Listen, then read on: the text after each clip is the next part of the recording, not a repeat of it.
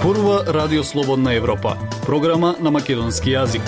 Од студиото во Скопје, Владимир Калински. Дали и колкав ќе биде растот на цената на струјата по нова година? Кои се причините за енергетската криза и каква е состојбата на енергетските капацитети се дел од темите на кои разговараме со професор Ристо Филковски од Машинскиот факултет во Скопје во неделното интервју на Радио Слободна Европа.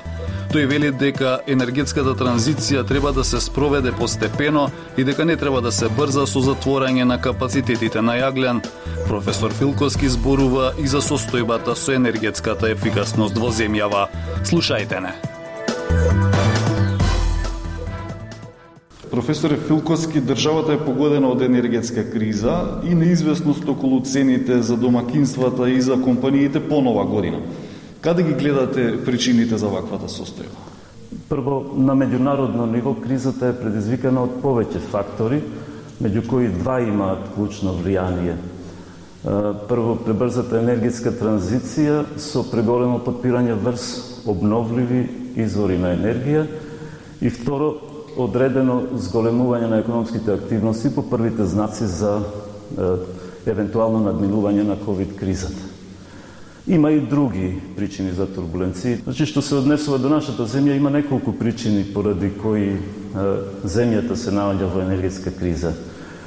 Некои се последица од светската енергетска криза, неизбежно, но повеќето се, би рекол, со домашно потекло. Прво, со надоаѓањето на кризата, на енергетската криза во европските земји и последичното покачување на цените на електричната енергија и на горивата, знаеме што се случува со природниот газ, на пример, повеќе од пет пати нарасна цената, трговците со електрична енергија започнаа да раскинуваат договори со компаниите и со други субјекти на кои имаа обврска да им обезбедуваат струја. Со тоа товарот падна пред се врз АДСМ и други производители во земјата. Освен тоа, повеќе годишното недоволно, би рекол, инвестирање за одржување и за градба на нови енергетски капацитети, разбирливо доаѓа сега на наплата. Се, тоа се манифестира нормално со намалено домашно производство на електрична енергија и нормално резултира и со зголемена осетливост на и зависност на енергетскиот сектор од тоа што се случува на меѓународно ниво. Значи, просто немаме доволно разработени алтернативи. Тоа резултира и со намалување на домашното производство. Значи, Може ли е драматичен раст на цените по, по 1 јануари 2022 година? Драматичен раст на цените не можам да дадам таква проценка, но дека ќе има пораст на цените на цената на електричната енергија, Тоа е речи си сигурно. Би рекол дека би бил изненаден доколку не се случи тоа. Иако има одредени механизми со кои што може тоа малку да се ублажи пред се во раците на владата и на регулаторната комисија за енергетика, но пораст на цената на електричната енергија рече си сигурно е дека ќе има. Дали тоа што плаќавме поевтина струја, сега може да не чини значително поскапо, бидејќи нели ЕСМ му продава струја на Ева на Хоум за 37 евра за мегават час во моментот, а истовремено поради недоволното производство ЕСМ купува струја од светските берзи кои се движи околу 250 евра на за мегават час, а од друга страна од 1 јануари ЕСМ веројатно нема да може на Ева на Хоум да му продава за 37 евра по мегават час. Значи проблемот е комплексен релативно долго време се одржуваше некоја стабилна цена на електричната енергија на прилично ниско ниво. Се разбира, таквото одржување на цената не остава многу простор за издвојување средства за одржување, за одредени ревитализацијски и модернизацијски зафати, а далеко од тоа да има простор за нови за градба на нови објекти. Значи, секоја приказна си има две страни Значи, цената одговараше локално, значи, на потрошувачите, таа ниска цена што ја спомнавте од околу 38 евра за мегават час, меѓутоа таа долгорочно јасно беше дека беше неодржлива. И една од причините за тоа зошто објектите се во таква состојба во каква што се е токму тоа долготрајно одржување на релативно ниско ниво. Значи, еве сликовито да се изразам, не можете да ги обвинувате пожарникарите за тоа што возилата им се стари 40 години и толку може да се направи. Значи, објектите се стари, со така одржување толку колку што овозможувале приликите, може би можело и повеќе да се направи, но, еве, например, Осломеј е термоцентрала од доцните 70-ти. Блоковите во Битола се градени во 80-тите, од 80-81 до 89 година. Значи, тоа се веќе технички со поминат животен, работен век практично на постројките. Спомнавте дека државата ќе треба да, да интервенира во, за цените, за порастот на цените. Опозицијата сега бара државата да предвиди субвенции од 250 милиони евра за струјата за граѓаните и за компаниите. Како гледате на ова? Да видите, јас не би можел тука многу да кажам. Тоа е повеќе прашање од економско-финансиска природа, само би рекол дека спомнав доаѓање на нешто на наплата.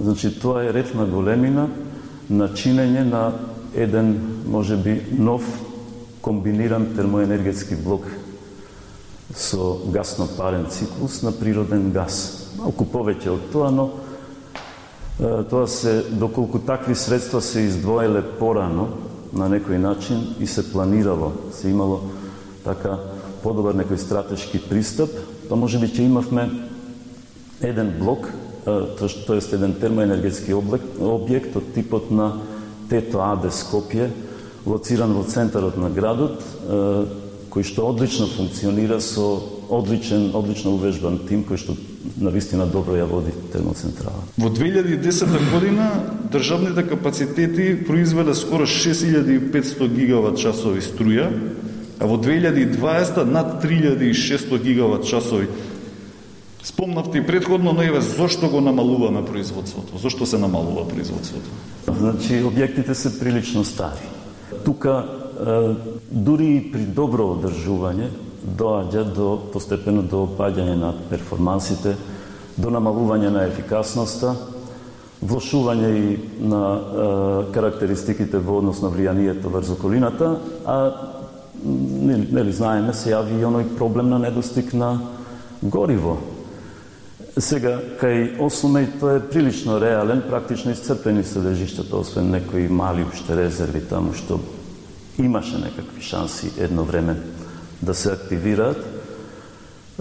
За рек Битола, може би тука требаше да се направи повеќе за обезбедување со дополнително снабдување со гориво од локалните лежишта, но пак велам, објектите се стари, некаде над 30 и нешто до 40 и нешто години и е, дури велам и при солидно одржување нормално е да паѓа ефикасноста.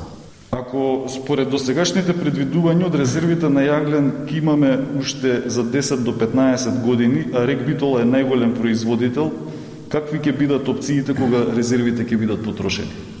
Тоа е поврзано со патот на енергетската транзиција на земјата. Значи, неизбежно е ние да одиме кон некаква енергетска транзиција, значи со постепено зголемено учество на обновливи извори на енергија и други некои начини за покривање на енергетските потреби. Но мое мислење е дека тој пат треба да биде еволутивен. Се што е избрзано во таа насока, особено за земји како Македонија, на ова економско ниво, на ова ниво на финансиско-економска состојба на населението, состојба на електроенергетската мрежа, пренос, дистрибуција и така натаму, застапеност на објекти, се избрзано ќе донесе многу штета. Значи, сведоци сме за тоа што се случува во европските земји, многу поразвиени. Кај нас тоа треба да оди постепено и мој став е дека треба нашите енергиски потреби во иднина постепено да ги префрламе на природен газ, комбинирани гасно-парни постројки, А рек Битола ни случајно не треба брзо да се затвора, значи и тоа треба со некоја динамика во наредниве 10 на 15, 20 години. Тоа некако ќе се поклопи веројатно и со време траењето на познати на непознатите, туку на достапните резерви на лигнит. Според енергетската стратегија на Македонија, државата треба да го напушти јагленот во следните две децении. Овде, меѓу другото, и поради еколошкиот аспект, загадувањето и климатските промени, колку според вас се реални овие планови? Вака, сум ја читал енергетската стратегија, со некои аспекти се согласувам, со некои не. Значи, за некој имам прилично критично мислење, особено за настапот со она зелено сценарио. Тоа зелено сценарио може сериозни последици да изроди кај нас. Значи, мојот став е дека нам ни треба еволутивна транзиција кон зелена енергија постепена, значи не брзо затворање на објектите.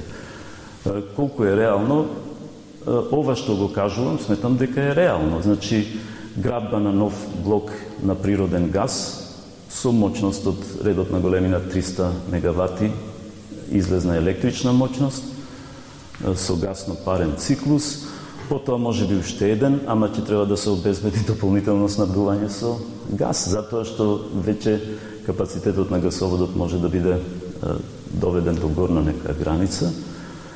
Вклучување на обновливи извори на енергија постепено, затоа што преголемо на неподготвена мрежа, на неподготвен систем носи нестабилност и е, значи обновливите извори на енергија ги имаат оние сериозни ограничувања, барем овие за кои што зборуваме за поголеми капацитети, значи фотонапонски централи и ветерни централи. Функционираат испрекинато, непредвидливи се со променлив режим. И фотонапонските ноќе не функционираат за разлика од еве класичните кои што даваат електрична енергија и додека разговараме, нели, и кога ќе појдеме попладне на ручек и ноќе додека спиеме и така. Значи потребни ни се базни енергетски објекти. Е, тоа е она што ни недостасува, а другите се некој вид надградба обновливите извори на енергија, постепено со решавање на оној клучен проблем складирање на енергија, кој за сега е далеку од решение. Како ја оценувате состојбата со енергетската ефикасност во земјава и колку тоа може да помогне да заштедиме струја? Тоа е одлично прашање. Значи, тука може многу да се направи. Моето искуство, со оглед на тоа дека сум веќе 30 на години во областа, вели дека ситуацијата се подобрува. Затоа што најбитното е променето, а тоа е свеста кај луѓето за тоа прашање. Значи, порано во индустријски капацитети, порано беше понекогаш дури тешко да се убеди собственикот или директорот на фабриката на инсталацијата за некаков проект со кој што ќе се намали потрошувачката на енергија со подобрување на ефикасноста. Сега веќе не е така. Сега самите иницираат такви проекти, Значи, затоа што веднаш тоа се одразува врз цената на производот и не само такви, таков тип производни капацитети кои што се карактеристични за индустријата.